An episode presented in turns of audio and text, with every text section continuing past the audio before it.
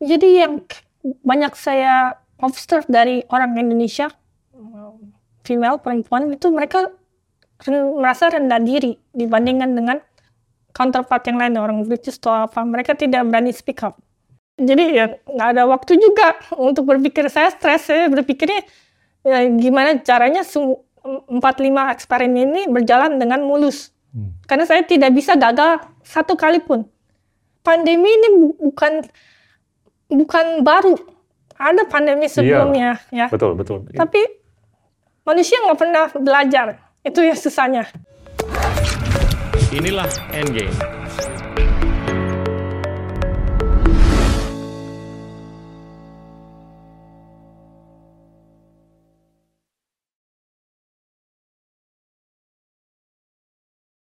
Halo teman-teman, hari ini kita kedatangan Karina Jo, seorang senior scientist di Jenner Institute di University of Oxford. Karina, terima kasih banyak bisa hadir. Oh, terima kasih undangannya Pak. Ya. Kita bakal ngobrol cukup banyak nih. Hmm. Um, saya mau gali lebih dalam mengenai masa kecil Anda. Hmm. Lahir dan besar di Tanjung Duren. Ya. Selanjutnya gimana? Ya, saya sekolah SD-nya di Kemudian 2 di Tanjung Duren. Terus beralih ke SMP dan juga di Tanjung Duren. Habis itu SMA SMA 1. Nah, BPK Penabur. Maksud juga di Tanjung Duren. Ya, jadi lahir sampai SMA di Tanjung Duren, Jakarta Barat. Nggak ada kebebasan, nggak ada keinginan untuk keluar dari zip code tersebut? Iya. Tapi ya, mainly uh, untuk family ya sih. Family okay. saya risah di sana, orang tua saya memutuskan ya kita tinggal di sana. Terus? Ya, sejak uh, jadi uh, setelah itu saya sekolah S1 di University of Hong Kong, atau namanya SCU. Ya, waktu masih kecil selalu pilihannya cita-citanya kalau ditanya antara mau jadi apa, antara insinyur atau dokter kan, yang hmm. populernya hmm. seperti itu. Jadi saya sampai semester terakhir SMA saya nggak tahu mau jadi apa. Jadi cita-citanya kalau mau ditanya jadi dokter, karena itu yang populer. Ya, jadi walaupun nggak tahu. Walaupun nggak tahu, nggak tertarik apa-apa. Hmm. Tapi semester terakhir, guru biologi saya, Ibu Lili, ada kayak presentasi tentang bidang yang baru. Yang mungkin masih jarang di Indonesia, ya. tapi sedang booming lagi populer di luar negeri tentang bidang bioteknologi. bioteknologi. Hmm. Spesifikasinya itu molekular bi biologi pada saat itu. Oh. Mereka bisa kayak modifikasi genetics. Jadi kita bisa merubah genotipnya di dalam sel ya. dan keluar fenotipik yang berbeda. Ya. Waktu itu merubah warna gitu. Saya tertarik. Ini dulu SMA udah Dulu SMA dulu. Iya, kita Wow. SMA-nya sangat-sangat maksudnya lo saya boleh nih. Uh, sangat maju sih. Bu Lili. Ya, Bu Lili. Masih ngajar nggak di sana, Tanjung Duren? Kelihatannya masih ngajar. Saat okay. terakhir kali saya berbicara. Mungkin mungkin untuk saya mungkin sudah keluar, tapi sih pada saat itu ya masih ada. Ya, Ya, mungkin ini, ini maksudnya teknologinya sangat menarik untuk saya. Saya pikir, oh, selama ini saya cuma dikotakin, oh, cuma dokter yang mungkin punya profesi terhormat gitu, katanya. Oh, bisa membantu orang. Tapi saya juga ingin uh, berkarya di uh, bidang yang menarik untuk saya. Saya jadi baca-baca banyak uh, tentang bioteknologi, saya memutuskan untuk kuliah ke luar negeri. Kenapa ke Hong Kong? Ya pada saat itu saya uh, ya saya mengambil akselerasi di PPK Menabur semester satu. Waktu itu saya keluar masih umur uh, 16 beranjak ke 17 tahun. Jadi ya yang waktu itu menawarkan untuk menjadi guardian salah satu yang recruitment office ya di Hong Kong ya. Karena masih kecil kan? Masih kecil. Jadi orang tua saya nggak bisa ikut kan, hmm. masih bekerja di Indonesia. Hmm. Dia menawarkan untuk menjadi guardian. Jadi saya hmm. memutuskan di Hong Kong dan place wise karena masih dekat ke Indonesia, jadi orang tua saya memutuskan ya ke sana ya. aja. Jadi kalau ada masalah orang tua saya bisa ya. uh, langsung ke sana gitu, ya. karena nggak perlu visa kan. Singapura, Malaysia gitu nggak ada? Uh, Singapura bisa, bisa cuman uh, Ya karena mungkin juga bagus, cuman uh, country-nya sangat kecil. ya, Oke. Okay. Okay. Ya, mereka bilang, oh mungkin kamu uh, sebulan juga sudah bosan di sana katanya. Terus langsung ngambil biotech? Langsung ambil biotech. Wow. Ya. Terus gimana perjalanan di universitas? Ya susah. Uh, Smooth sailing atau agak-agak Iya. agak-agak ini? agak-agak ya waktu itu pertama kali benar-benar hidup sendiri di luar negeri ya Hmm. Homesick. nggak ada siapa nggak ada siapa ya homesick ya Pasti. jadi sa jadi bulan pertama saya udah gimana nangis-nangis gitu sana soalnya eh, untuk registrasi aja buildingnya sangat jauh gitu dari ujung ke ujung mesti mesti cari sendiri dan juga kan bahasa, bahasa Inggris ada di lesin tapi kita nggak pernah nggak pernah benar. eh, latihan lisan Cuman baca nulis aja. baca nulis dan pada saat itu saya orang Indonesia pertama di University of Hong Kong dia baru buka jalur internasional Wow. ya jadi eh, banyak-banyak siswanya yang di lokal itu eh, kurang bisa berbicara bahasa Inggris dan mereka segan untuk berbicara bahasa Inggris ke saya jadi saya terisolasi gitu Oke. di sana Tapi ajarannya dalam bahasa Inggris. ajarnya dalam bahasa Inggris tapi ya Tapi yang gurunya lokalnya kebanyakan ngomong gurunya kanton guru gitu. lokal Oke. guru-guru lokal jadi mereka ngomongnya kurang kurang fasih Kurang fasih. Ya, jadi saya adalah kendala bahasa dalam uh, belajar di sana. Ceritain deh saat-saat waktu kuliah. Apa yang spesial yang bikin Anda gitu melihat dunia itu agak beda. Kalau di SMA kan Bu Lili, Ya, tapi kalau waktu kuliah tuh ada nggak tahapan di mana Anda tuh berpikirnya sangat berbeda dibanding sebelum-sebelumnya? ya pada saat ke luar negeri pertama kali ya. Jadi kayaknya untuk bidang bioteknologi, jadi aplikasi sangat luas. Itu yang saya Hmm. saya pegang waktu itu sih. Jadi saya pikir ini menarik sekali bidang yang saya ambil. Walaupun despite semua orang bilangnya ini nggak nggak akan maju gitu. Iya. ini kamu buang-buang waktu. Juga ada yang bilang ya, eh, kayak teman orang tua saya bilang akhirnya mau bidang apa jadi bioteknologi. Eh, paling paling maksimum kamu jadi sales gitu, sales farmasi katanya. Begitu, udah sekolah jauh-jauh gitu, jadi sales farmasi. Itu pun sampai saya sekolah S3 pun dia bilangnya begitu. Mau jadi apa? Barang biotek- bioteknologi. Kamu ya, How wrong were they? ya. Terus lulus dalam berapa tahun? Saya lulus dalam waktu tiga tahun. Gila. Ya. Baru umur 19 tahun. Ya, ya 19 mau ke 20. Wow. Ya. Terus begitu Iya. lulus masih Iya. bingung atau Saya- udah saya- udah serak gitu mau Pada ngapain pada aja? saat itu ya, saya ditawarin untuk uh, uh, on direct ke langsung ke PhD. Wow di Ya, Hong Kong. di Hong Kong. Oke. Jadi MPhil, kamu bilang dapat funding MPhil, tapi dalam dua tahun kamu bisa langsung convert ke PhD. Jadi tambahin satu tahun jadi tiga tahun kan, Hmm. langsung PhD. Tapi salah sa- orang tua berkata lain kan. Nah ini, Ya. Ini menarik nih. Ini yang paling menarik. Nah itu pikir oh, kamu sendiri udah tiga tahun di Hong Kong, uh, anak perempuan sendiri, ya begitulah orang tua maunya yang aman. Waktu itu saya kakak saya ada di Melbourne, dan mereka bilang oh oke kita kamu pindah ke Melbourne lah, ambil jurusan yang lain. Ya. Apa jurusan? Commercial cookery, commercial cookery ya tentang ya Gila. masak-masak. Ya. Itu kemauan ayah, ibu, atau anda sendiri atau Ah, kakak? ayah ayah. Alasannya apa? eh ayah ke- kemauan mama. Oh. mama.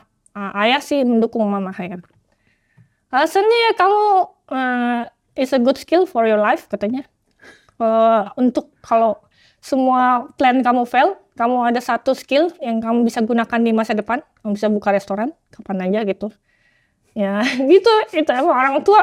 Ah, ya orang tua nasihatnya sih baik jadi waktu itu saya ikutin walaupun saya bilang mau ya saya passion saya emang bukan di masak saya suka makan tapi saya suka makan bukan suka masak Enggak, Ya. tapi ini kan justru disuruh ngambil degree ngambil di dalam masak. ya Kalau suruh bisa masak aja kan ya paling kursus seminggu juga bisa kan. Iya. Tapi ini orang tua serius banget ya. serius jadi enrollnya yang benar-benar uh, certification yang membuat kamu untuk menjadi head chef jadi ada uh, ngitung-ngitungnya membuat resep jadi benar-benar pro- proper course Oke. Jadi bukan masak aja tapi Iya. sampai ya ada Gimana budgeting ya gimana, akuntansi dan nulis menu ya lengkap lah dalam dua tahun itu terus apa? Masakan apa yang dipelajari?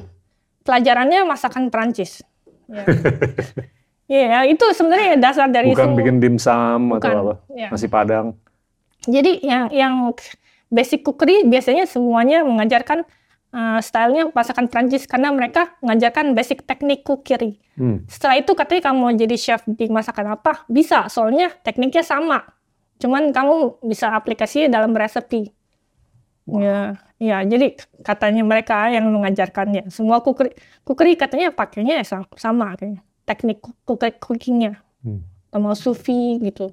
Dan orang tua juga nggak masalah kan?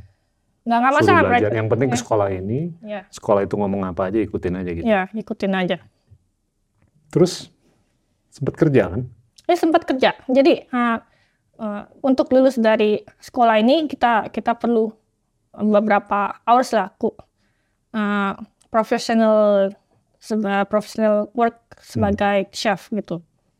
Ya, kerja sebagai chef. Ya pertama-tama untuk fusion Japanese. Karena tau lah, jadi saya nggak mirip Gila, orang Prancis kan. Ini bertolak belakang banget kan belajar masakan Prancis, Iya. terus di Memang, lempar ke ya, fusion Japanese apa Nobu, ya, ya. restoran Nobu. Nobu, restoran Nobu. Ya, pernah eh, di Nobu, pernah juga restoran Itali, yang fine dining gitu. Berapa lama? Total bekerjanya selama 18 bulan. Ya, jadi saya ada ada break gitu. Jadi eh, dua tahun plus waktu itu dua, 12 bulan sekitar tiga setengah tahun lah saya Gila. ber- berkarir sebagai Dan nggak pernah sekalipun orang tua bilang nih kayaknya agak kelamaan nih sekolahnya untuk masak. Nggak pernah. mereka enggak, enggak mereka nggak bilang ini enggak kelamaan karena waktu itu saya masih muda dan mereka bilang oh this is the last degree Iya, that you will have kan Baru umur 19. ya ya dan kamu bisa berkarya sebagai chef atau mungkin membuka restoran setelah itu Sekarang masih masak? nah sekarang nggak Lebih ada banyak makan? ya lebih banyak makan nggak ada waktu untuk masak ya Oke, terus di Melbourne Oke. langsung habis cookery selesai belajar biotek lagi. Iya, jadi jadi ada komplainnya juga. Jadi untuk sebagai profesional chef gitu, uh, working hours-nya sangat ketat. Jadi uh, hari Pasti. dari ya Monday to Iya, Monday banget jadi ya ma- masuknya jam 11 mungkin pulangnya agak pagi gitu. Ya, dua tiga gitu ya. Ya. Full time itu lebih parah kan. Jadi mungkin day off-nya cuma hari Senin. Gila. Jadi papa mama saya bilang kayaknya nggak nggak gini juga kalau mau hidup kayak dia mereka berpikir kayaknya untuk kamu ke depannya ya kalau nggak ada waktu juga susah kak untuk gitu, jarang ketemu mereka juga. Kapan Anda ngambil keputusan? This is it. Iya saya, saya udah tahu ini bukan passion saya. Saya kita bisa masak se selezat apa pun ya. Kalau kita nggak ada pun kita bisa diganti dengan restoran sebelah. Maksudnya nggak ada Iya. impactnya gitu untuk customer itu. Ya. kalau nggak ada makanan ini mereka bisa pilih makanan yang lain jadi nggak ada kayak Betul. Betul. eh, maksudnya harus Loyalty. ya ya value-nya untuk mereka gitu saya mau saya, saya dari kecil maunya saya punya impact ke orang yang yang core gitu Iya. yang intinya yang bisa merubah hidup Hmm, mereka Struktural ya dan lasting. ya lasting Hmm. berguna untuk mereka untuk untuk hidup mereka jadi Ya. ada gunanya lah kerjaan saya Iya. gitu Kalau hari ini dia makan masakan Jepang, besok dia bisa makan masakan Ya. Padang, besok lagi Sunda, Ya. besok lagi Prancis. nggak nggak Iya. nggak merubah hidup mereka Hmm. gitu Ya. Iya. Nggak bikin pinter juga sih. Nggak nggak bikin pinter juga tapi bisa kasih eh, maksudnya complementary to the chef bisa kan Iya. tapi ya sebatas itu eh, sebatas di palate kan di lidah Menarik, menarik. ya terus pada saat itu ya saya pikir saya untuk kembali ke dunia sains itu agak susah Eh, Hmm. untuk ya setelah break tiga setengah tahun ya. Oh, itu juga menarik ada pada sebelum untuk kerja di postoffice juga. Ada eh, hal yang menarik. Waktu itu bos saya tanya kamu saya kan nggak sertain di CV saya pas saya apply kerja. Dia bilang tiga setengah tahun kamu ngapain? Kamu udah masuk penjara atau kamu kayak ada gap, gapnya bukan gini? gap year, tapi gap three and a half Gap- years. ya saya pikir ya saya commercial cookery dia bilang oke nggak apa ya asal kamu nggak masuk penjara katanya ngapain gitu kriminal ya Ini waktu sekolah di Melbourne lagi kan. ya akhirnya Ambil enroll lagi di sekolah eh, bidang bioteknologi Sekolah apa? sekolah bioteknologi Namanya Sekolah Bioteknologi. Nah, enggak, bidangnya ada RMIT, Royal Melbourne Institute of Technology. Wow. Saya saya pilih itu karena ya dari semua sekolah yang top itu untuk master ya, bidang master mereka yang lain-lainnya lebih mengutamakan manajemen.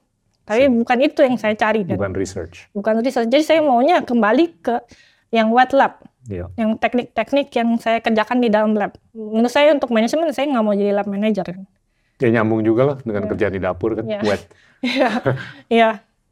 Terus waktu gi- gimana tuh prosesnya? Jadi Anda udah jenuh Iya. dengan masak, terus Anda pengen balik lagi, Hmm. sempat dipertanyakan, transisinya gimana? Smooth? Enggak, transisi ada, ada argumen lah di dalam internal keluarga gimana caranya. Ya, saya akhirnya untungnya didukung. Terakhir-terakhir didukung lah sama orang tua, oke. Dan mereka juga dukung financially karena saya waktu itu. ya. karena untuk sekolah, untuk master mahal di, di Australia lagi. Ya. Iya. Dari, ya saya beruntung sih dari S1 eh, dan S2 didukung sama eh, orang tua Orang tua. dan eh, kayaknya dipermudah gitu saya datang sana kasih lihat eh, sertifikat langsung terima Sertifikat kukri atau sertifikat waktu dari Hong Kong? dua-duanya S, Oke. S1 S1 tapi kita harus proof kamu waktu itu ngapain aja mas gapnya itu jadi kan harus kasih kasih sertifikasi dua-duanya S1 dan mungkin diploma of cookery-nya Hmm. oke dia bilang "Hmm, ya diterima Argumen apa yang Anda pakai untuk meyakinkan ibu Anda? Bahwa itu keputusan yang paling baik. Eh, mereka tetap berpikir ya, bioteknologi bukan bidang yang Betul. maksudnya Iya. yang untuk mensejahterakan anaknya sih. Iya. Tapi saya bilang ini passion saya dan saya udah tahu dari SMA. Ya, Hmm. ini bidang yang menurut saya saya bisa kerjakan. Ya, non-negotiable kayaknya. ya, da- dari kecil saya eh, mungkin saya tahu sih skill saya, skill set saya dari awal. Menarik. Ya. Eh, Menarik. Ya. Terus eh, saya mulai kuliah dari semester 1 di course yang pertama profesornya bilang karena kamu mau nggak internship di satu eh, perusahaan pemerintah Australia yang terbesar. Dia nggak kenal saya tapi dia nanya ke saya. Aku bilang ya baru course yang pertama, baru week pertama ini. Jadi oke, aku oh, saya nekat aja. Oke. Terus saya pergi interview ke tempat perusahaan pemerintah Australia yang intinya biasanya cuma citizen yang di sana kan Wow. semuanya core gitu. Jadi rahasia negara di sana. Perusahaan, Kenapa? Mungkin dia udah ngelihat sesuatu di Anda. Atau punya feeling kali. Ya mungkin dari dari diskusi kan. Da- Tapi diskusinya dari course pertama end of the lecture gitu. Ya dibilang saya punya teman di sana. Dulu saya pernah kerja di sana. Mere- Mereka mencari student untuk internship di lab mereka. Hmm. Nah, perusahaannya Protein Production Facility, Ya. manufacturing untuk ya, biologics, kayak small molecule based protein, ya, novel molecule, vaccines, eh, virus, dan ya monoclonal antibody, semuanya lah mereka eh, ada kolaborasi dengan universitas dan mereka juga ambil klien komersial dari perusahaan-perusahaan eh, global, ya. Jadi, saya ke sana untuk interview langsung bilang, oke kamu minggu depan datang full time ya. Saya pikir full time saya juga sekolah full time ini. Tapi eh, profesor saya mendesain course saya se- sedemikian mungkin. Jadi saya pun bisa internship sana full time. Jadi jam 9 sampai jam 5. Terus jam 6 saya kuliah full time. Gila. Ya, jadi jalankan dua-duanya full time. Berapa Ya. jam? Sebu, sebu, apa seminggu kerjanya? Kerja 40 jam ada? lebih, lebih, lebih. Kerjanya? Ya, Terus kerja dan sekolah? belajar, kerja dan Oke, belajar. oke. Ya, jadi kan uh, Oh, iya, iya, masih pasti. master. Oh. dan juga uh, internship full time. Dan uh, biasanya uh, untuk lab disesuaikan untuk saya. Jadi di labnya digabungin dalam waktu kayak 2-3 minggu dalam mungkin summer gitu. Hmm. Jadi saya bisa fit in my schedule untuk dua. Wow. Ya, setelah lulus uh, master dan saya juga internship, uh, head of the labnya yang di perusahaan pemerintah itu bilang, kayaknya kamu mau lanjut PhD gak? Saya PhD-nya berapa? Apa masternya berapa lama? masternya dua tahun. Ya, master by Pikir saya pikir enam bulan enggak enggak lama. Ini course-nya banyak banget. karena kerja juga. full Karena time. kerja full time, tapi full time, duduknya full time. Jadi jadi selesainya dalam waktu maksudnya course-nya benar-benar didesain untuk dua tahun. Wow. Ya. Jadi uh, head of profesornya yang di perusahaan pemerintah itu bilang setelah dua tahun karena kamu mau ambil PhD nggak? Karena kamu tetap uh, kerja di sini full time juga. Tapi karena saya maksudnya mereka, mereka saya ngomongin lah sama vice chancellor-nya suruh kamu kasih beasiswa. Oke lah, dia bilang kalau kalau emang dikasih beasiswa saya ambil lah. Terus saya kamu bilang saya kamu saya gaji juga katanya. Ya Tetap dengan kerja juga. kerja juga. Jadi Oke. sama uh, konsepnya. Ini. Saya kerja internship di mereka. Jadi uh, mungkin paginya saya kerjain proyek PhD-nya. Mungkin jam 9 sampai jam 12 gitu. Uh, sorenya saya kerjain proyeknya uh, uh, perusahaan pemerintah itu. Gila. Ya. Berapa lama PhD? Uh, sel- selesainya 4 tahun. Master 2 tahun, PhD 4 tahun. Ya. Wow. Ya. Jadi selesai-selesai saya punya pengalaman bekerja sebagai di uh, Di lab. Ya. ya perus- perusahaan manufacturing itu tujuh tahun dan mereka punya sertifikasi namanya CGMP tau gak sih? Hmm, nggak tahu sih. Current uh, Good Manufacturing Practice Itu berharga banget tuh pasti. Itu berharga banget uh, karena itu standar yang harus dipakai untuk uh, uh, memproduksi produk untuk dipakai oleh manusia seperti kayak vaksin, drugs segala macam dan itu jarang orang yang punya. Kasih gambaran deh. Di Ya, Australia berapa yang punya CGMT? CGM, CGMA, CGMP. CGMP. Ya, Hmm. jadi kayak certification gitu standar untuk mendesain se- sebuah proses memproduksi drugs atau ya apa pun yang digunakan oleh manusia untuk clinical trial dan komersialisasi. Ada berapa di Australia yang Ya, punya? enggak ngitung, tapi Puluhan, sedikit sedikit ratusan, sekali. ribuan, Mungkin ratusan, ratusan. ratusan. Dan mereka biasanya ya enggak bukan fresh graduate yang punya. Iya, iya, pasti, mereka sudah pasti.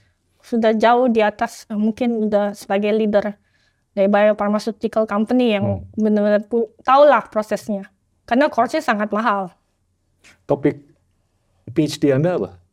saya desain eh, saya mendesain vaksin ve- vaksin hepatitis B untuk menjadi eh, efi- efikasinya bisa 10 kali lipat lebih tinggi dari yang Pre-existing. yang sudah di saya bandingkan dengan komersial satu satu Hmm. dua uh, saya mendi- saya buat teknologinya untuk mentargetkan uh, brain cancer glioblastoma memakai uh, target yang perusahaan itu sudah uh, uh, license jadi kita bekerja sama dengan Abbott atau AbbVie untuk clinical trial Ceritain gimana Anda bisa meningkatkan efikasinya 10 kali.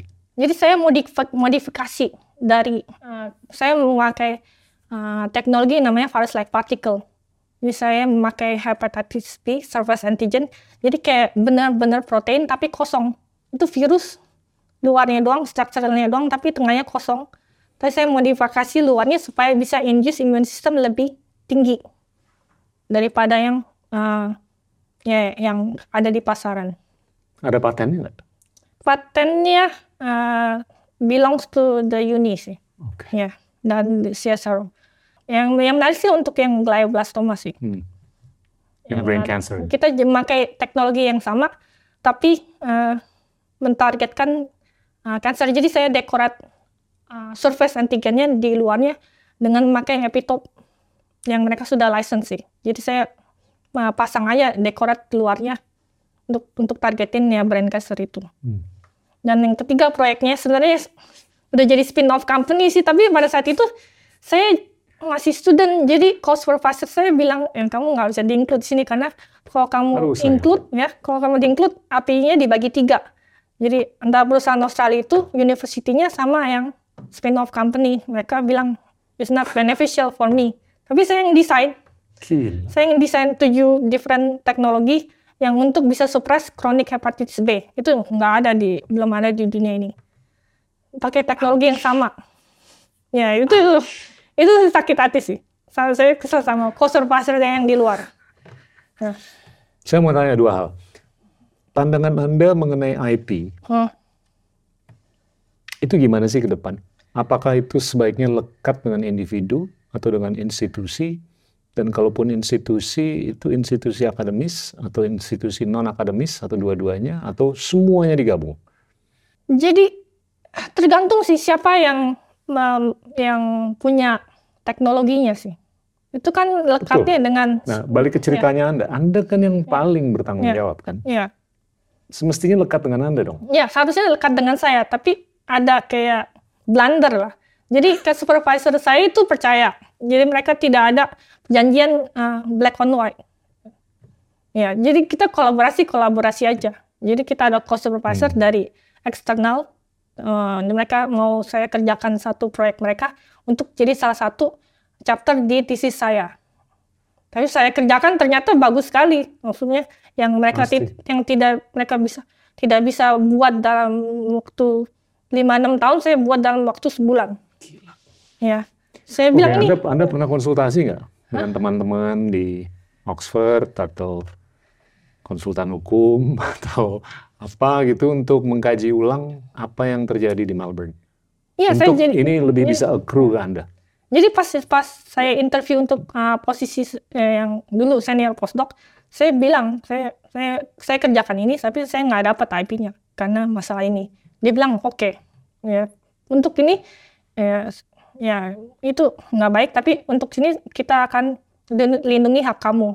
Kita ada di Waktu di Oxford. ya waktu di Oxford. Tapi untuk berkunjung balik ke apa yang terjadi di Melbourne.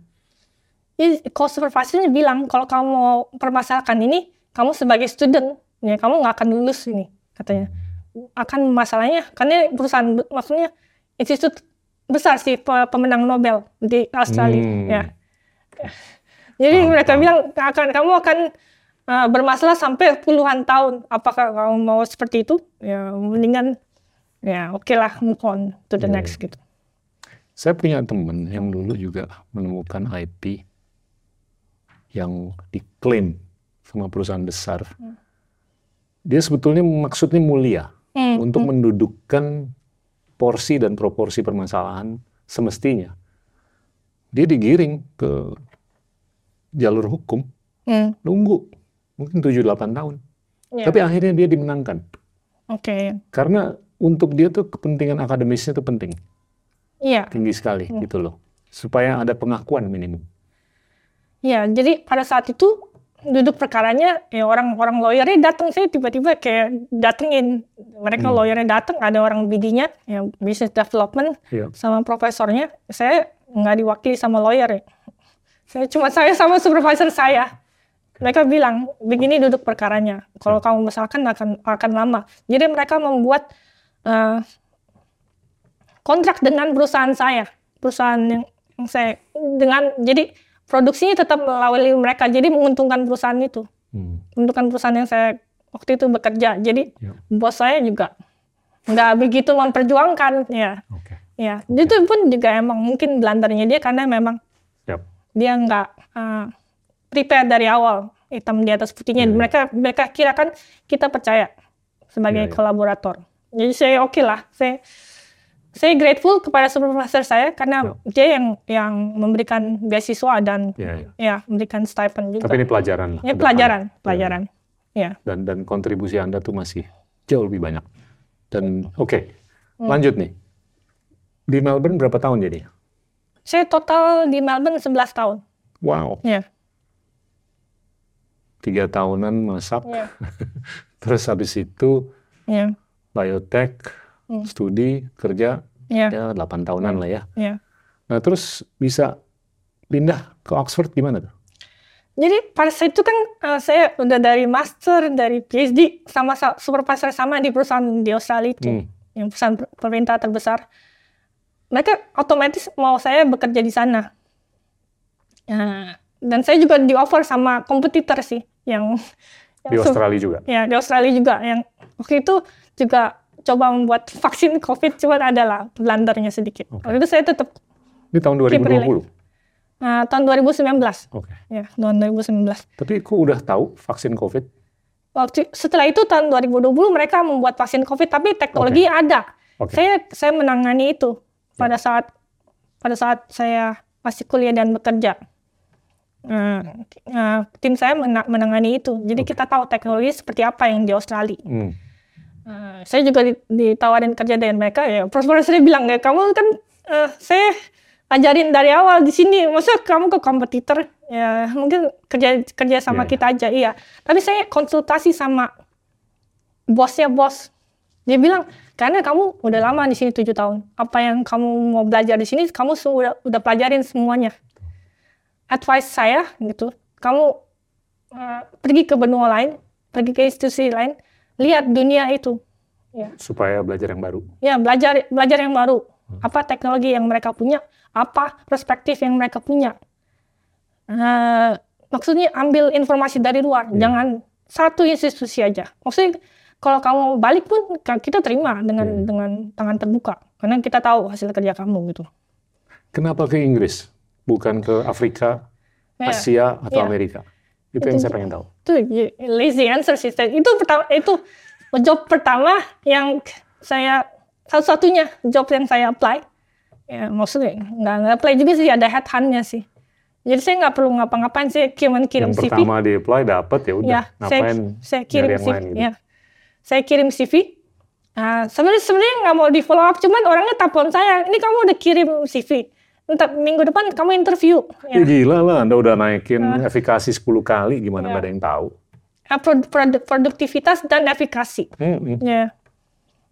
Dan ya mereka mereka bilang kau eh, kamu eh, interview ya. Tapi saya bilang saya mau sebenarnya mau mangkir kan. Tadi mau ngambil antara di Queensland atau mau, mau tinggal di situ aja karena eh, udah ditawarin gaji yang tinggi eh, dan posisi yang tinggi juga di sana. Terus, tapi saya pergi uh, ya udah interview interview lah ya.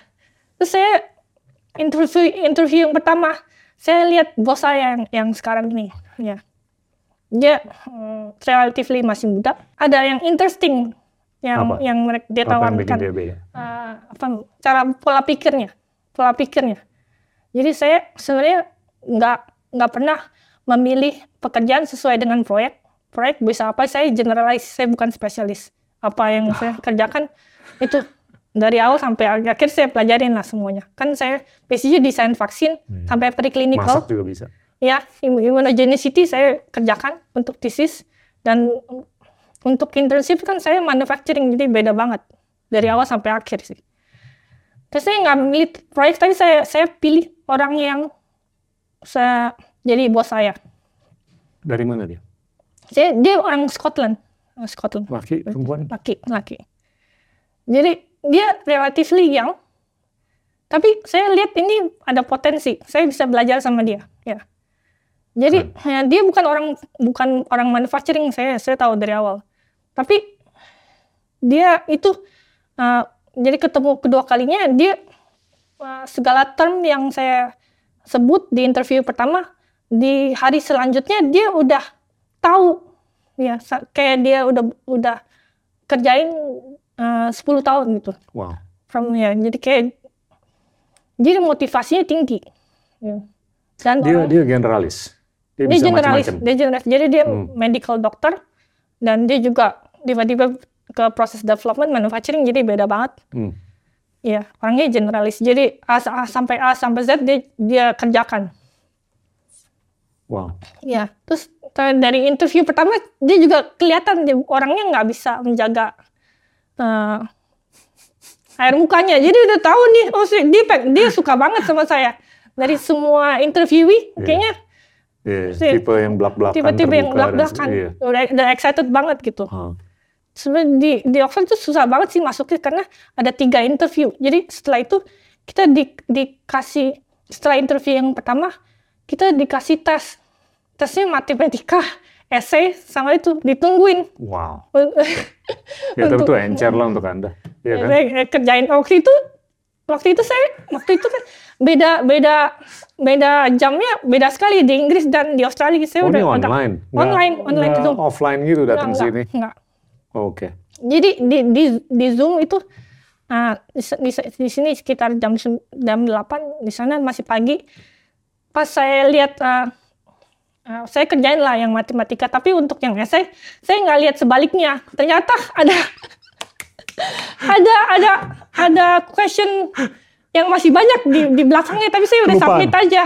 Kelupaan. kelupaan. Ampun. dia, dia bilang "Sa- saya satu-satunya yang nggak kerjain itu. Tapi mereka bilang ya kamu buat kamu dispensasi lah. Kamu kerjain sekarang katanya. Dikirimin balik katanya suruh kerjain. Ya udah saya Oh, kerjain baik di rumah. banget, saya baik kerjain di banget. rumah. Jadi saya tahu oh saya kandidat yang top katanya. Yang pilihan pertama mereka ya. Top. Ya, jadi interview kedua lagi dan mereka uh, menegaskan eh, kamu pilihan kami ya. Kan sebenarnya ada tiga. Yang ketiga harus terbang ke ke ke tempat mereka untuk benar-benar ketemu langsung lihat labnya dan di assess langsung apa yang bisa di maksudnya benar-benar disuruh kerjakan wet labnya. Tapi mereka bilang "Un- untuk kamu ya nggak perlu lah kita terima Wow. aja langsung ya ya pada pada saat itu gaji uh, se postdoc di Oxford sangat rendah dibandingkan dengan yang lain ya dibandingkan dengan industri di Australia uh, Iya, pasti. setengahnya kali ya Kenapa sih? ya Kok bisa begitu? Beda banget. ya Padahal ya sih nggak tahu mungkin geopolitical atau apa mereka semua ya akademik ya bis, di, di gajinya agak rendah Uh, uh, uh, terutama di Oxford dan Cambridge dibandingkan dengan universitas yang lain karena mereka udah tahu lah namanya. Ya, Iya kan? tau lah lam- namanya tapi nggak nggak juga ya. Sekarang uh, orang orang PhD sudah berpikir mau ngapain uh, kerja di universitas mendingan langsung ke industri. Iya. Dia langsung bisa dapat gaji yang ya fantastis lah. Ya. Itu mempengaruhi kapasitas riset nggak sih? Kalau talenta-talenta muda tuh lebih mau tembak langsung ke industri Iya, daripada lewat akademis. iya. Jadi sekarang uh, Bakal bakal berkurang nggak bakal kualitas banyak berkurang. riset? Sekarang ada paper pun yang uh, menulis uh, banyak kan universitas ya walaupun top lah, Hmm. top university tapi dia uh, mengalami kesulitan untuk hire postdoc. Wow. Iya. Saya, saya juga udah, udah kasih tahu ke bos saya ini. Iya. Eh, nggak ada Ini, yang ini bakal kelihatan nih 5 10 Iya, tahun ke depan iya. kan? Ya, untuk untuk ya untuk universitas sekarang mereka sudah advertise ber, bertahun-tahun. Tapi nggak dapat kandidat yang baik karena Iya, temptation-nya langsung langsung ke industri. dia pengen dia nggak mau naik MRT atau Iya. sub atau subway atau tube lagi dia udah mau naik mobil. Gajinya. Jadi waktu itu jadi jadi ngomong lagi sama ke bos saya. Saya bilang, oh saya juga ditawarin eh, ke kerjaan. Dia bilang gajinya berapa? Saya kasih tahu gajinya. Dia kaget. ya di sini saya di sini beda banget. Jadi saya kasih maksimum nggak? Saya di waktu itu langsung masuk sebagai senior postdoc. Wow. Jadi jadi gajinya dipolin maksimum. Saya bilang ya nggak apa-apa. Saya ke sana cuma belajar tapi nggak masalah kalau di- dinaikin ya nggak masalah. Tapi tetap juga masih lebih rendah. Masih masih lebih rendah. Tapi ini loh, ini idealisme Anda Hmm. kan bahwa untuk Anda tuh lebih penting untuk bisa melakukan riset Ya, masuk Iya kan? riset. Dan halnya nyari kang tahu aja kan. Nah, dan proyeknya benar-benar baru, bukan Betul. bukan yang saya pernah tangani selama saya di Australia. Betul. Benar, ya benar-benar. Saya nggak pernah eh, nangani viral vector. Oke. Ya. Ibarat kata ya walaupun nggak dibayar terlalu tinggi selama gue bisa melakukan Ya, riset ya, untuk kebaikan segalanya. ya untuk saya untuk impact. Jadi saya punya, Hmm. jadi saya mau punya pekerjaan yang punya meaning. Hmm, Ya, ya. Menarik. Tapi mena- menarik juga pada saya. Asal ada makanan di atas meja aja. asal makanan di atas meja. Saya, saya udah diwanti-wanti sama orang Australia, ngapain kamu ke UK? Makanan yang nggak enak katanya. Makanan yang nggak enak, eh, cuacanya jauh lebih bagus di Australia. Orang sananya mau, mau ke Australia, kamu mau ke UK. Oh, belak belakang katanya. Ini Semua pindah orang- tahun 2019 ya? Ya, akhir 2019. Gila. Akhir 2 serendipity Gila. kan. Itu. Nah itu belum ada kabar kan mengenai COVID-19. Belum, belum. Baru Januari Februari lah ya. Januari, Februari. Ya. Nah terus gimana tuh?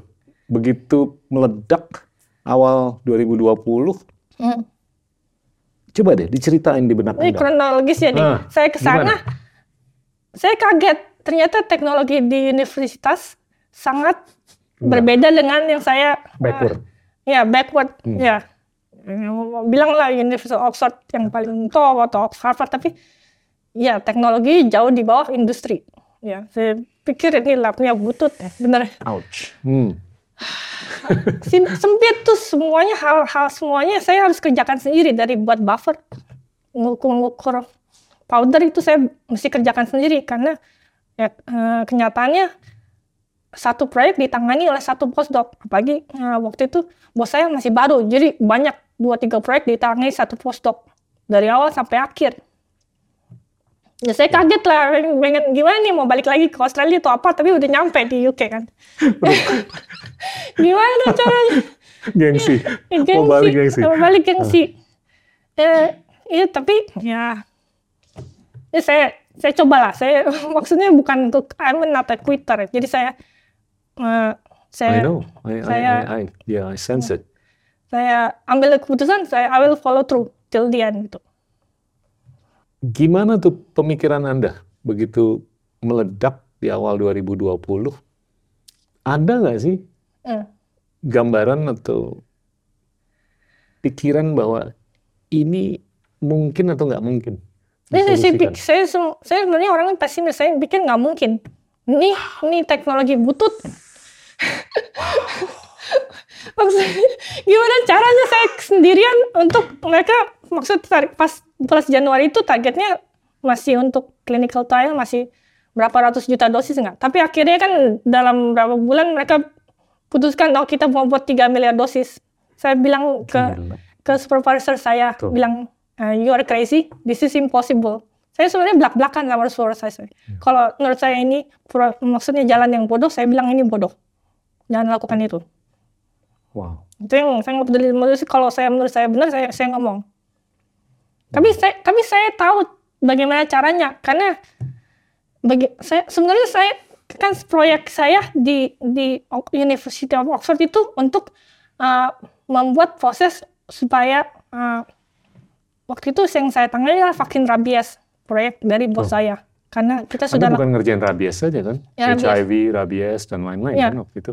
Eh, waktu itu rabies dan eh eh, Lassa fever gitu Ya.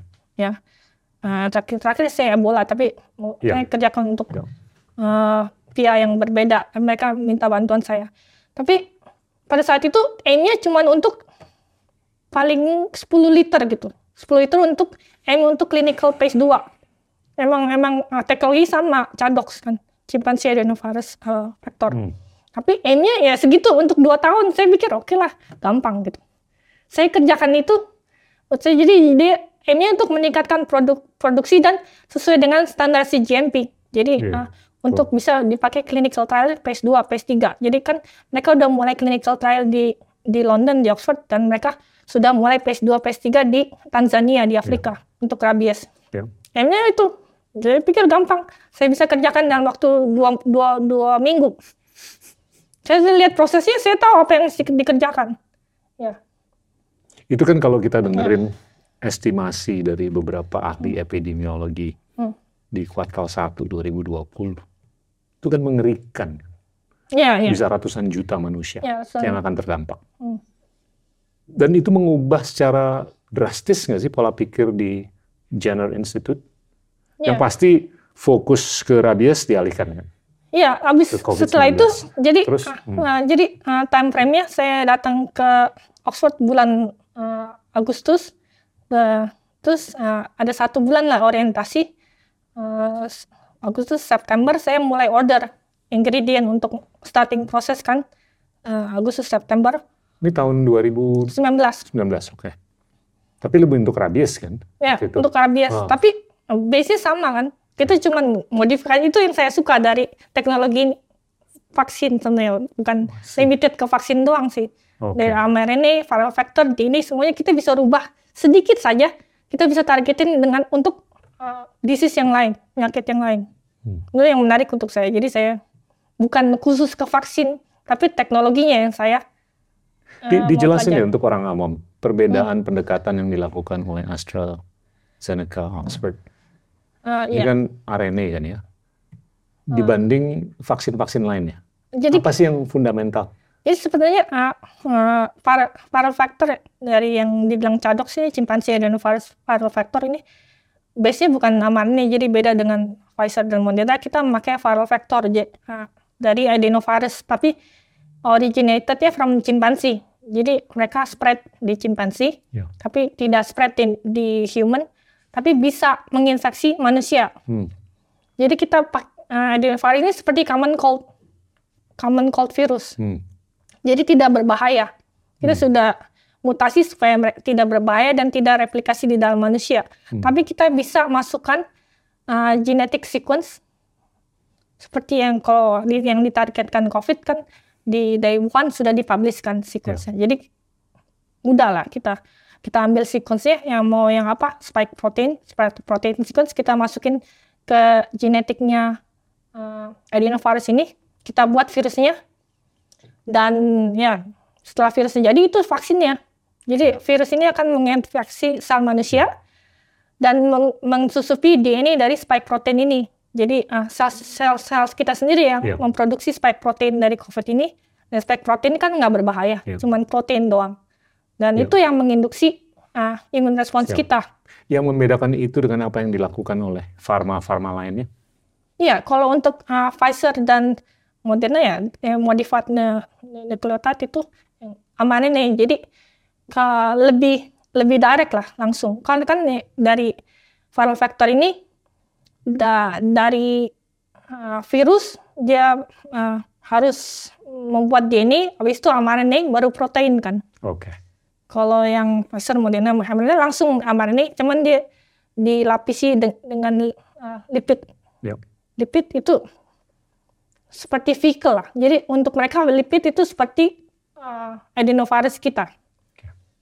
Uh, Jadi tapi mereka lebih uh, lebih direct daripada le- lebih dari DNA, tapi mereka langsung ke mRNA. Habis itu ke protein. Ke, ke, keuntungannya apa yang Anda lakukan dibanding yang Pfizer dan Moderna lakukan? Apa? Ya pada saat itu, uh, ya kita uh, viral vector ada teknologinya tapi bukan dibuat di tahun itu juga. Jadi kita punya long list of safety and immunogenicity. Jadi pada saat itu ya udah di clinical trial untuk Ebola, ada yang untuk MERS yang mirip-mirip dengan uh, COVID, SARS-CoV ini, Ya. mirip dengan coronavirus juga cuman agak berbeda genetiknya. Jadi kita punya complete history-nya lah, complete data. Ya. Jadi kita tahu viral uh, vector ini uh, punya high im- immune response dan high sa- safety profile, complete safety profile. Ya. Ini kalau saya dengar cerita ya mengenai Anda, Anda tuh di laboratorium, Ya, hidupnya di situ kan. ya pada saat itu hidupnya di situ. Waktu ini keluar COVID-19, Anda tuh nggak nggak ada social life, Ya, ya kan? How traumatic was it? itu traumatic sampai sekarang Itu kan ya. berapa bulan tuh Anda di laboratorium? Mungkin 15 jam sehari ada? Ya, le- lebih le, sekitar 16 jam sehari. 16 sampai Dan 18 weekend jam. juga kerja kan? Iya, tujuh hari seminggu. Itu karena keinginan pribadi Anda untuk mengsolusikan sesuatu atau emang amanah dari atasan ini harus selesai bulan depan atau apa? Gimana tuh? Bukan bukan keinginan, nggak ada keinginan untuk menyiksa diri, tapi emang emang nggak ada pilihan lain pada saat itu. Iya. Pas saat ya jadi saya Urgensinya emang gila ya? Jadi saya pas November saya udah eh, sombong sama sama sama sama supervisor saya. Saya udah kerjakan nih proyeknya yang kamu mau saya kerjakan dalam dua tahun, saya kerjakan dalam satu bulan. Katanya dia meningkatkan produk produktivitas. Saya kerjakan dalam eksperimen yang pertama saya udah tahu gimana caranya. Saya kasih tahu. Dia nggak percaya. Terus dia bilang saya ulang November 2020. November 2019 Oke. sebelum Oke. sebelum pandemi. Oke. Sebab itu bulan Desember saya masih ada waktu pulang ke Indonesia. Australia Australia, oke. tiga, eh, tiga minggu untuk wisuda. Saya eh, balik ke UK itu akhir Desember, jadi sebelum sebelum Belum meledak. Hmm. sebelum pandemi meledak. Jadi terus Januari 2020 dia bilang oke kita akan involve di vaksin COVID ini. Ya, terus saya bilang oke lah, Hmm, saya nggak nggak berpikir panjang. Terus saya bulan Februari dia bilang kita udah set up untuk clinical trial date-nya, ya. Tapi belum punya prosesnya. Mereka punya proses tapi pada saat itu baru bisa untuk membuat beberapa, berapa ratus dosis cukup untuk uh, clinical fase yang pertama. Tunggu dulu, tapi algoritma yang Anda ciptakan Iya. untuk meng-scale up, Iya. itu cukup nggak untuk membuahkan miliaran vaksin? Cukup. yang sudah ditemukan di bulan November 2019. Saya pikir ini bakal cukup, cuman ini Wow. skalanya kecil sekali yang saya bereksperimen. Ya, dan itu baru upstream. Maksudnya proses produksi. Belum yang downstream proses purifikasi dan eh, itu. Oke. Ya. Tapi itu relatively lebih straightforward lah, Belum. downstream ya kan? Ya, sus, eh, jadi susah untuk eh, saya tahu bagaimana caranya tapi lebih complicated banyak banyak hitung-hitungan lah. Banyak eh, harus banyak banyak yang harus dilakukan sebelum itu bisa tervalidasi sesuai dengan CGMP karena kita ada quality control kan. Itu yang Oke, paling oke. rumit kan. Fair enough. Ya. Tapi yang susahnya tuh di hulunya, di Ya, upstreamnya. upstreamnya Iya. susah. Itu, Itu- adaptasi karena itu kita memakai sel Hmm. sel manusia untuk membuatnya. Hitung-hitungannya gimana tuh waktu itu? Bisa berapa vaksin dalam kalkulasi Anda? Jadi ah, pada saat itu kita bisa, eh, saya pikir kita bisa buat sepuluh ribu dosis dalam waktu selit satu liter pada saat itu. Kalau kita berhasil adaptasi vaksin ini. Oke. Ya. Nyambung ke miliaran gimana tuh? Berapa liter tuh? Nah, jadi ya eh, pada saat itu kita M-nya sampai 200 liter. Oke. Karena M-nya baru fase, eh, sampai fase mungkin eh, uji klinis yang fase ketiga. Oke. 200 liter Ya. 2 juta lah. Tapi saya baru punya prosesnya da- du- dari dua, dua sendok makan. Hmm. Ya, jadi 30 mil. Tapi mereka bilang "Ah, dalam waktu satu setengah bulan kamu harus punya proses komplit yang sesuai dengan CGMP standar. Jadi kita harus uh, teknologi transfer ke CGMP lab, tapi kamu harus punya protokol yang lengkap. Saya, saya bengong aja ngeliatin supervisor saya. Saya lihat ya, kamu- saya bilang, dia bilang ya, this is impossible, you are crazy. Pada saat itu kan kita labnya kecil, nggak ada funding. Tenaga kerjanya cuma tenaga kerja cuma saya sendiri dan dan kita nggak ada waktu satu setengah bulan jadi to to give the background kalau untuk 200 liter biasanya dikerjakan untuk tiga empat orang dalam waktu satu setengah tahun atau sampai dua tahun saya cuma punya waktu satu setengah bulan untuk kerjaan itu sendiri Gila. Yang postdoc yang yang senior postdoc yang waktu itu membantu saya. Terus saya bilang oke lah ada yang membantuin tapi pada saat itu kan covid lagi ganas-ganasnya. Hmm. dia lagi mengandung. Jadi dia pikir "Eh, maaf ya Karina. Iya, saya nggak bisa ke deh." lab lagi. Saya nggak bisa ke lab lagi. Saya mendingan di rumah supaya mungkin saya- supaya tidak berpengaruh ke kandungannya. Saya pikir oke ya mau mau nangis ya mau nangis tapi dia bilang saya butuh kamu tapi nggak bisa tapi saya lebih mendingan ya udah saya kamu di rumah aja lah saya yang mengerti alasannya kenapa Jadi saya benar-benar sendiri pas itu Hmm. di dalam lab You, you realize how heroic? pada saat itu nggak Iya, nggak nggak nggak nggak berpikir heroik atau apa pikirnya ini banyak banget masalahnya pada saat itu Ya. Tapi gila loh. Jadinya teknologi yang Anda temukan itu sangat bisa mengakselerasi, ya kan? Hmm. Proses vaksinasi Ya, atau jadi kita pada saat itu di general, pada bosnya bilang, jadi kita ada teknologi, kita bisa um, menghasilkan berapa ratus dosis, kita bisa buat vaksin yang sangat efektif. Tapi jadi scientific curiosity kan, kita bisa clinical trial phase 1, phase 2, tapi kita nggak bisa distri- distribusi ke masyarakat luas. Itu yang big problemnya. Iya. Berarti sama aja kita nggak punya vaksin dong. Iya. Kan vaksin Iya. hanya bisa berfungsi kalau emang masyarakat eh, memakai kan itu. eh, Iya. Ya, maksudnya herd immunity. Saya ingat banget waktu itu tuh kan percakapannya acuannya ke polio kan Hmm. untuk mengvaksin itu sebelum-sebelumnya hanya waktu dalam penanganan polio kan kita hanya bisa berapa ribu sehari Hmm. jadi itu keterbatasan yang finite juga walaupun pasoknya udah sebanyak apa pun tapi kalau di bawahnya nggak bisa Hmm. dieksekusi itu juga keterbatasan kan Iya, sama aja bohong lah bisa dibilang sama aja bohong. Kamu bisa apa pun di dalam lab yang kecil itu ya bisa buat obat yang paling canggih, vaksin yang paling canggih, canggih tapi kalau nggak bisa nggak bisa ditranslasi, disuntik juga nggak bisa ditranslasi ke orang-orang ya sama aja bohong gitu. iya Eh, Sebatas paper gitu. Tapi bahwasanya senior postdoc yang lainnya Hmm. nggak berkenan atau nggak bisa nemenin Anda, Anda kerja sendiri. Saya bisa ngebayang itu menjadi beban, Ya, beban, mental, beban pressure. moral, Ya. beban macam-macam lah, Ya. yang luar biasa. How stressed were you? Jadi untuk untuk untuk berpikir untuk saya stres pun saya nggak ada waktu. Waktu nggak ada. Waktu a luxury dalam waktu itu. Ya. Nggak nggak ada. Saya se- saya itu schedule eksperimen ke eksperimen nggak ada gap. Saya lari ke 45 45 uh, sudut lab. Waktu itu satu building empty semua dipulangin. Jadi saya uh, ada plus side-nya juga saya jadi punya banyak bench gitu. Tadi tadinya kan kecil banget kan lab lab grup kami. Iya. Tapi karena satu building itu kosong, saya bisa pakai bench group lain untuk untuk setup eksperimen saya. Tapi saya mesti lari ke 4 5 uh, tempat yang berbeda dalam satu waktu karena saya jalankan eksperimennya banyak Iya. sendiri.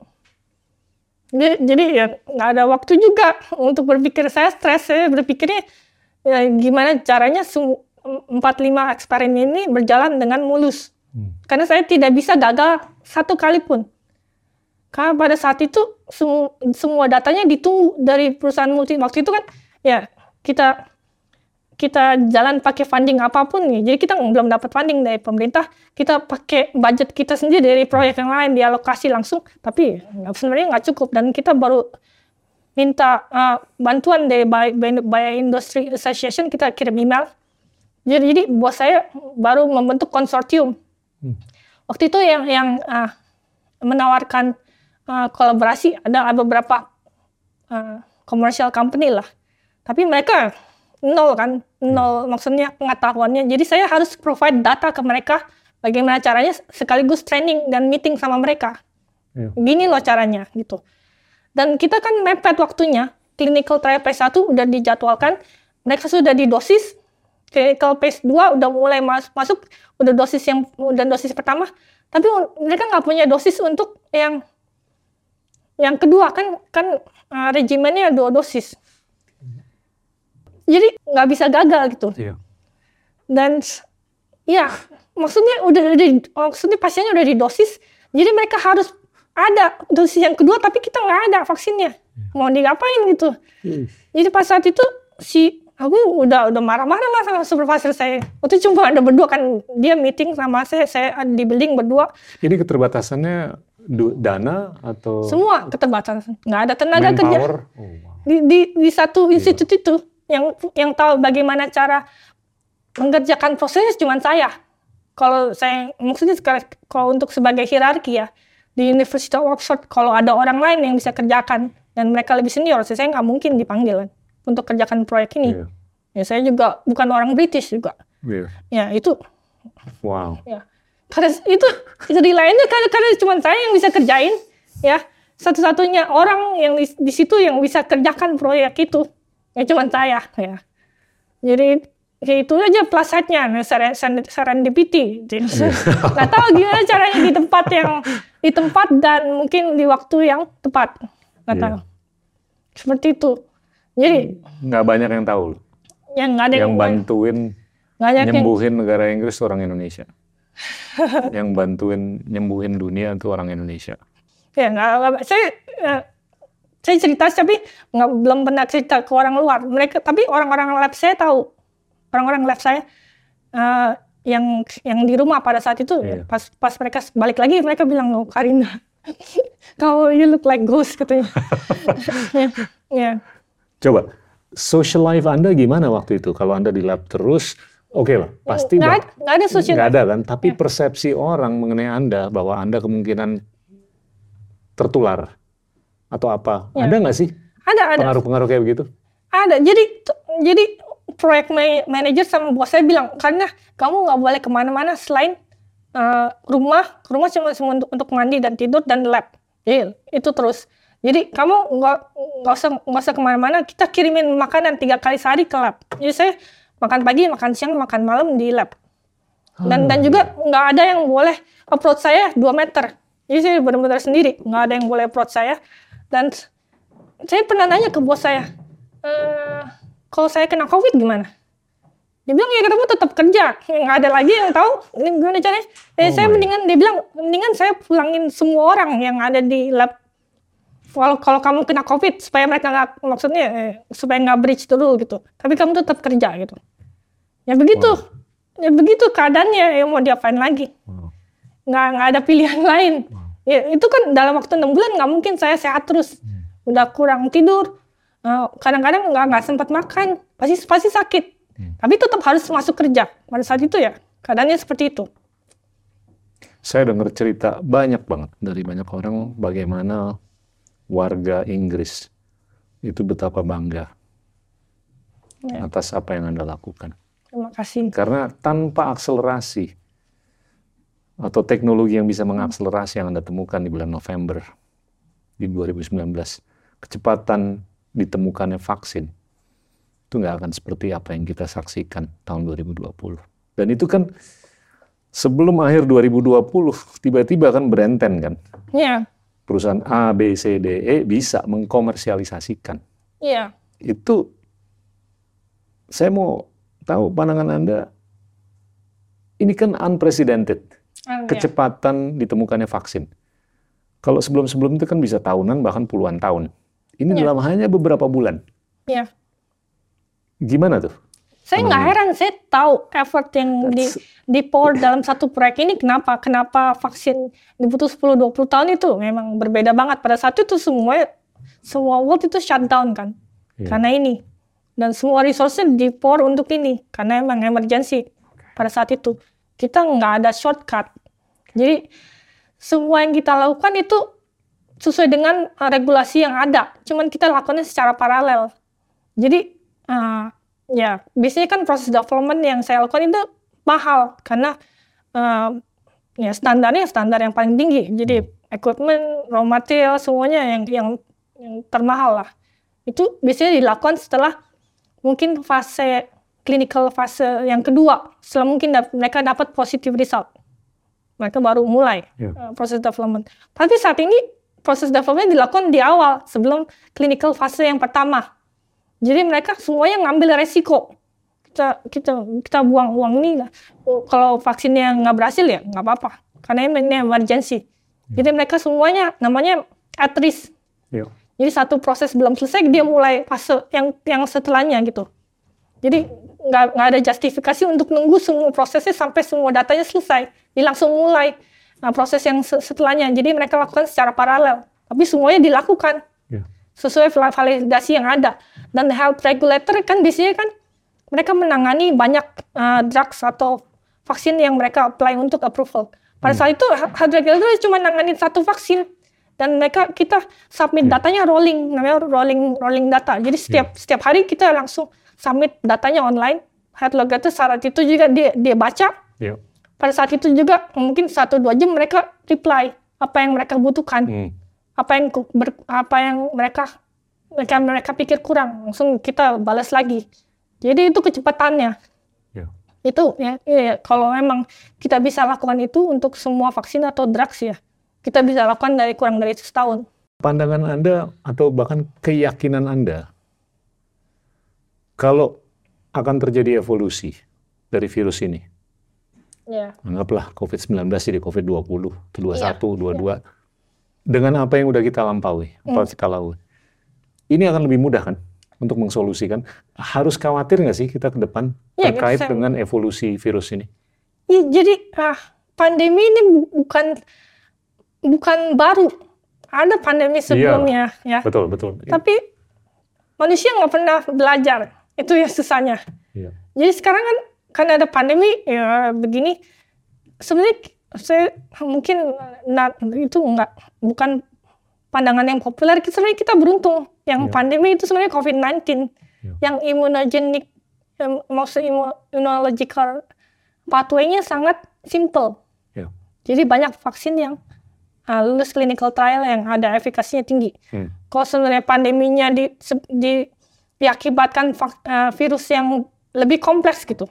Ya. Nah, im- imagine kalau Ebola yang, yang Hmm. mungkin mungkin ada delayed respon. Jadi lebih ya lebih Ya. lebih widely uh, Hmm. distributed terus mungkin was uh, akibatnya lebih fatal ya kita eh, we are screwed gitu. Iya. ya, ya. Bakal ada nggak sih patogen yang Pasti pasti ya jauh lebih deadly? Pasti ada pandemi selanjutnya. Apakah deadly? Saya juga nggak bisa memprediksi. Tapi SARS ini kan SARS-CoV-2. Jadi ada SARS-CoV pertama. Jadi masih ada trans- transmisi selalu dari animal ke human waktu itu. Dan ya sebenarnya untuk sekarang hype-hype vaksin teknologi cuman karena pandemi. Sebelumnya vaksin ini bukan teknologi yang jadi fokus utama. Enggak. Bukan juga untuk sebagai yang untuk profit untuk Ya. pharmaceutical mah bukan vaksin mah eh, jadi kayak anak tiri lah. Ya. Ya. Cuman karena pandemi ini jadi Betul. ya Fokus. fokus sini. Tapi kalau sudah pandemi udah turun ya mereka out funding ya. Lagi. fundingnya semua. Nggak ada yang nggak ada yang nggak ada yang peduli jadi tentang Anda ada vaksin. Hmm. keyakinan kalau kita fokus, apa pun evolusi virus ke depan, itu bisa kita tangani. Intinya. Iya, gitu punya semua means dan teknologi yang perlu dikembangkan. Oke. Kita kita punya lah uh, knowledge-nya. Cuma apakah support Iya. mencukupi? Ya, Saya pikir ya tidak. Ya. Sekarang di, di UK aja science uh, budgetnya selalu di, di cut kan. Betul. Bukan di UK aja. Iya. Di Negara-negara lain juga. Eh, Oxford itu penyikapannya agak-agak mulia. Dia Oh, tuh mengedepankan kalau bisa jangan cari cuan. Ah iya. Iya kan? Ya. Nah itu perdebatan antara nyari cuan sama nggak nyari cuan untuk kepentingan kesehatan manusia ke depan, gimana tuh? Pandangan Anda? Oh mau buka-bukaan nih. Hah, Kita nggak dikonsultasi sama sekali. Jadi yang yang ngambil keputusan itu yang leadernya. Ya. Itu sebagai eksekutor ya kita follow. Tapi kita nggak ada masalah. Emang kita sebenarnya ya kan kerja hasil kerja keras kita mau dipakai untuk manusia itu itu tujuannya pada saat itulah. Waktu itu kita kerja keras pun kita nggak tahu vaksinnya akan nah, di approve apa enggak kan masih Betul. melalui fase klinikal 1, 2, 3 ya. Tapi kalau benar-benar bermanfaat ya kita mau semua orang punya uh, hak yang sama untuk mendapatkan vaksin. Kita mengerti Iya. banyak negara-negara yang berkembang yang nggak punya kebijakan fiskal dan kita udah tahu dari sejarah lah pas saat pandemi ini ya negara-negara maju saja yang menguasai vaksin itu karena negara-negara berkembang nggak mampu untuk membeli vaksin tuh. jadi kita ada list juga sih katanya ya kita ya sebarkan Bagi-bagi ya free. bagi-bagi free gitu ya Oke. Sekarang Anda dapat pengakuan nggak sih dari sisi IP-nya dibanding pengalaman di Australia dulu? Iya, iya. Jadi jadi uh, bos saya belajar, bos saya uh, waktu itu untuk pas interview dia bilang gitu, "Oh, oke. Jadi saya menurut saya sih dia adil walaupun dia sebagai bukan maksudnya biasanya supervisor yang mengambil api sekitar 99 walaupun yang kerja kan postdoc tapi dia nggak seperti itu. Oke Cengli. lah ada Dia lah. Cengli ya? ada cengli. Oke, ya bagus lah. Ya ditegasin aja.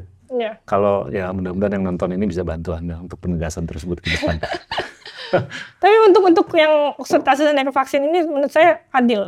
Benar, oke lah ya Tapi kalau saya perhatiin pendekatan yang digunakan Oxford AstraZeneca ini agak-agak beda sama perusahaan-perusahaan lain. Iya kan? Hmm, ya Lebih lebih mulia untuk kepentingan masyarakat luas. ya Kalau yang lain kayaknya agak-agak sedikit lebih komersil. Iya lebih komersial dan untungnya triliun dolar. Ya nggak usah nggak usah ke sana lah. Ya, Nanti kita pikir harus ngeliat nih. gitu. Oke, saya mau nanya nih. Peran wanita. Sebagai ilmuwan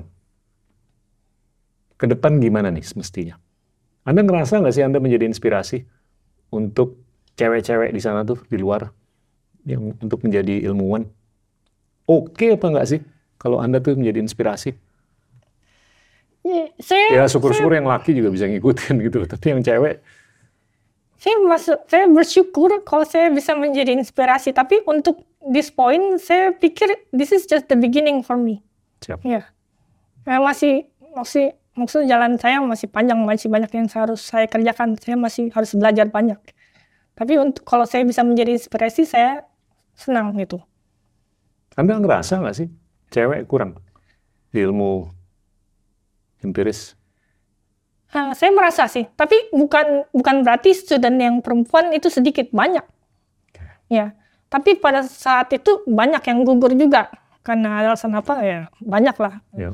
keluarga atau environment gitu. Tapi untuk benar-benar yang benar-benar di top untuk untuk di bidang saya sedikit sekali untuk bioprocess ke arah engineering kan. Hmm. Waktu itu kita pernah ngumpul di seluruh manufacturing network itu. Ya, Iya. ada beberapa ratus orang kayak AstraZeneca. Kita kan bekerja sama dengan 25 manufacturing company di seluruh dunia di lima benua, Ya. di 15 negara. Kita ngumpul pada waktu itu, satu saat di Oxford College untuk dinner. Ya. Ya, yes, kehitunglah perempuannya paling ada empat atau lima dari dari 70 orang dan satu-satunya saya saya saya Asia satu-satunya Sebel nggak lihat cuma lima orang cewek? saya ya, agak sebel sih jadi saya mau, mau gimana lagi ya siapa yang Apa menurut Anda yang orang-orang Indonesia atau cewek saya di Indonesia bisa lakukan supaya ada ribuan Karina Jo? Iya, jadi saya pikir ya apa yang kamu mau ya lakukan saja. Maksudnya saya bilang kan yang dari Hmm. dari awal saya bilang sama bos saya, this is impossible, you are crazy. Tapi saya belum lakukan itu. Itu itu sebenarnya Hmm. eh, attitude yang buruk menurut Yep. saya. Don't give up. Ya dan give up. Menurut menurut saya sih mereka harus punya mimpi. Sampai mimpi itu eh, ridiculous lah.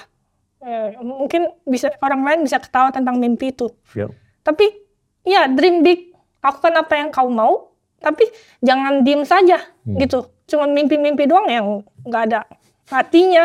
Tapi walk towards the dream gitu. Ya. Apa laku- lakukan apa aja yang bisa bisa kamu uh, uh, pen- supaya kamu bisa mencapai mimpi itu. Apakah uh, belajar tentang skill apa, Yep. uh, kualifikasi. Kalau untuk menjadi postdoc ya kita mau harus kuliah S3 itu. Ya. Nggak ada nggak ada jalan yang lain. Yep. Ya, sep- Keren. Keren. Terus saya mau balik. Tadi Anda terinspirasi oleh Bu Lili Hmm. yang bercerita mengenai gimana kita bisa mengrekayasa kode genetika kita. Anda ada aspirasi ke sana Iya, untuk melakukan iya. rekayasa. Iya. Anda percaya nggak sih kalau kita mengrekayasa huruf C, A, G, T itu, kita bisa membuahkan manusia atau kemanusiaan yang beda ke depan? Eh, kemanusiaan yang berbeda. Humanity, will it be different? Mungkin ya. Will it be better? Will it be worse? Eh, saya lebih ke arah medical ya. Atau humanity. Betul. Oke, jadi lebih untuk healing, lebih- remedy, lebih ke- therapeutic, ya terapeutik. bukan augmentasi. Bukan ke arah augmentasi. Ya. Iya. Ya. Saya nggak Bukan percaya untuk dengan. kepentingan IQ-nya bisa 500, Ah, enggak, enggak. matanya bisa biru. Ya, saya tidak support. Oke. Ya, itu. Kalau dia sickle disease, Ya, ya. sickle cell disease atau pediatric blindness, bisa Improve disebut. quality of life lah, bukan untuk phenotypic, bukan. Bukan- Tadi kita sempat ngobrol on the side mengenai Jennifer Doudna. Ya, Apakah itu sesuatu yang Anda pengen lakukan? ya, definitely. Ya. Gimana caranya? Iya, ya, untuk ya satu-satunya sel-sel jan- gene terapi. Hmm. Ya, itu itu itu sangat ya menurut saya sangat eh, banyak impactnya. Ya, Jadi benar penyakit yang yang banyak yang benar-benar 100% fatal kalau bisa diintervensi dari awal dengan sel dan gene terapi. Tapi kita perlu dengan sequencing kan. Ya. Ya kita bisa dapat ya improvement 100% quality of life. Dalam waktu lima tahun ke depan atau 10 tahun ke depan, serealistis apa sih kita bisa melakukan terapi terkait beberapa hal dengan rekayasa? Iya, Genetik. sudah Udah banyak sudah, ya? sudah banyak dilakukan dan kita lihat ha- Kemarin kan di hasilnya. Inggris ada kan Iya. yang Cuman costnya sangat tinggi Hmm. untuk hemofilia itu mungkin Hmm. satu treatment untuk satu pasien bisa 2 juta dolar gitu. Hmm. Ya, Nah, dalam lima tahun itu costnya dari 2 juta atau dua berapapun lah, bakal turun ke berapa? Bisa ke ratusan dolar nggak sih? ya bisa. Ya, Dalam lima tahun. bisa. Ya, Hebat dong nih, drastis. ya drastis. Iya kan? Ya. Ini Tapi sangat tergantung keputusan dari pharmaceutical company itu juga apakah mereka hmm, mau ya membuat ya license Oh. itu ya terserah mereka maksudnya. Jadi ini akan didrive oleh pendekatan komersil juga ya. Ya, pembuat keputusan. Kalau ini dijual 200 dolar, Ya. mungkin untungnya cuma berapa, tapi kalau dijual 2 juta dolar, untungnya lebih gede gitu loh. Ya. Jadinya lebih didrive oleh sikap-sikap seperti itu, bukan sikap yang research related. Untuk sekarang saya ngelihat ya, ada ada banyak example-nya ya, Iya. bukan. Ya. Oke. Tapi memungkinkan nggak sih untuk mereka tuh lebih commercially sensible Ya tergantung. untuk kepentingan warga atau masyarakat luas? Ya kita harus lihat sik- eh, eh, sikap dari leadernya. Ya. leader dari leader dari multinational pharmaceutical company itu. Hmm. Bagi Apa yang civil society harus lakukan agar pemimpin atau kepemimpinan di big pharma itu bisa berubah untuk kebaikan kita semua? untuk saya kepribadiannya sendiri sih raise awareness lah. Lah, apa jadi mungkin arah Ya. dari perusahaan itu sendiri bukan Ya. memutuskan uh, maksudnya put big picture-nya cuma dari profit. Tapi Ya. mungkin mereka butuh banyak filantropis yang Ya. mau membuat dunia ini lebih baik. Itu Ya. mungkin idealis sih. Yang kayak Ya. the perfect world. Tapi Mungkin ya, bisa- bisa tapi, dipajak- tapi imagine aja. kan, imagine if those people. Kayak ya, those people, ya, I mean ya, Ya nggak usah sebut nama perusahaan lah. Ya. Tapi gila kalau ngelihat keuntungan mereka kan dalam dua tahun terakhir ini. ya dan banyak yang ditutupin maksudnya. Iya. Oke lah, saya nggak mau terlalu dalam di sini. Iya. nah, ini terakhir nih, Indonesia ke depan. Gimana Anda melihatnya? Saya selalu nanya 2045. Hmm. Gimana supaya ada seribu, Karina Jo?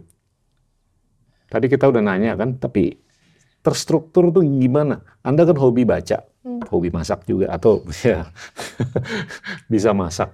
Terus pekerja keras, terus selalu curious, mencari pola pikir yang inovatif, ya kan?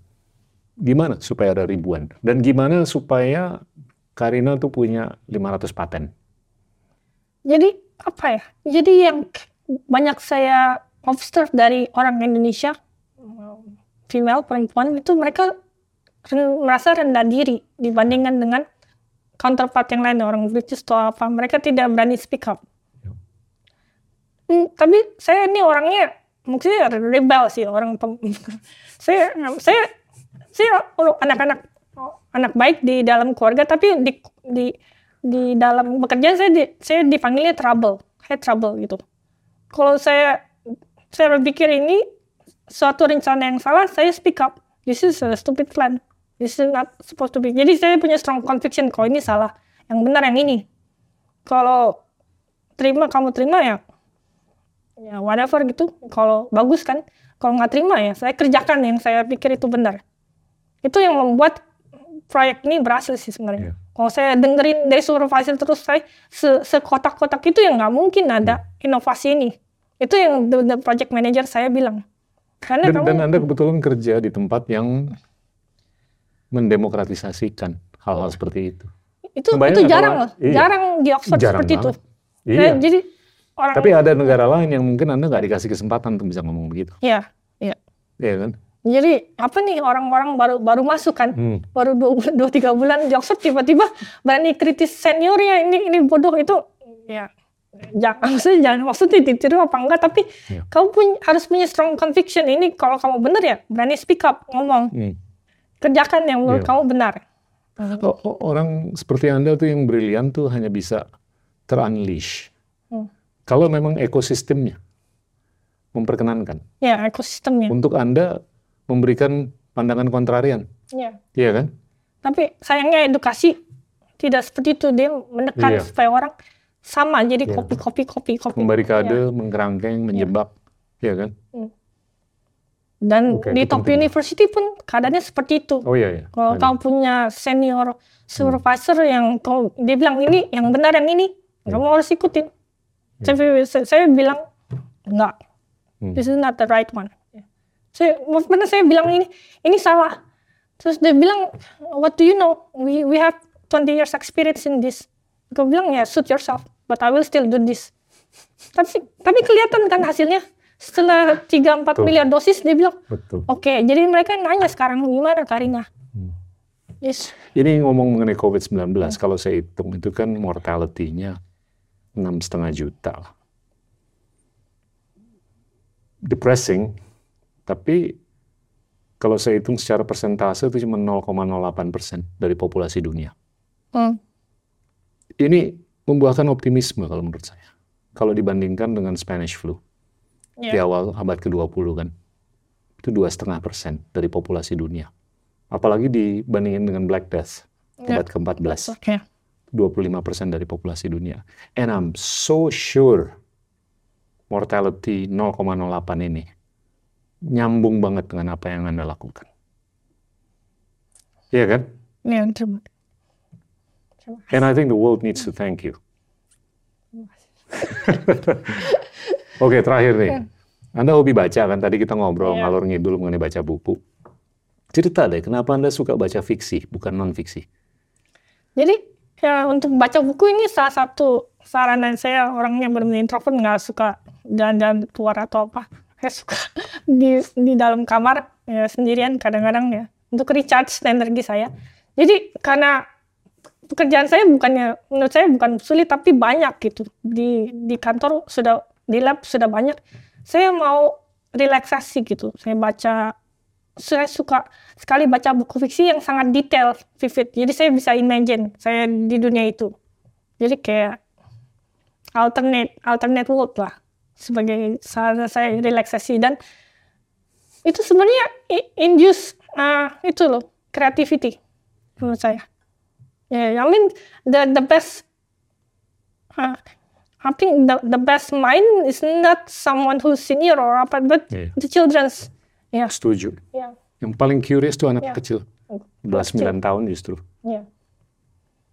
Ini kayaknya banyak pertanyaan terakhir nih. Oke nih, yang terakhir banget nih. Kenapa warna biru?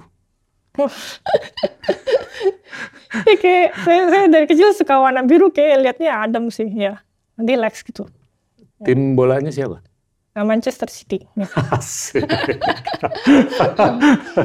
karena biru juga kan? ya karena biru Bukan karena keahlian ya?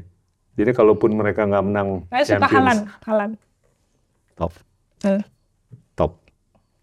Thank you banget loh. ya sama-sama terima kasih sudah diundang Ya, Well, it's an honor. it's an honor to meet and talk to you Kejar tuh paten-patennya. ya Ya. terima kasih Pak semoga ada yang baru lah Amin. nggak perlu Amin. open the can of worms Amin. Ya. Amin. Teman-teman, itulah Karina Jo, senior researcher di Jenner Institute, University of Oxford. Terima kasih. Inilah Endgame.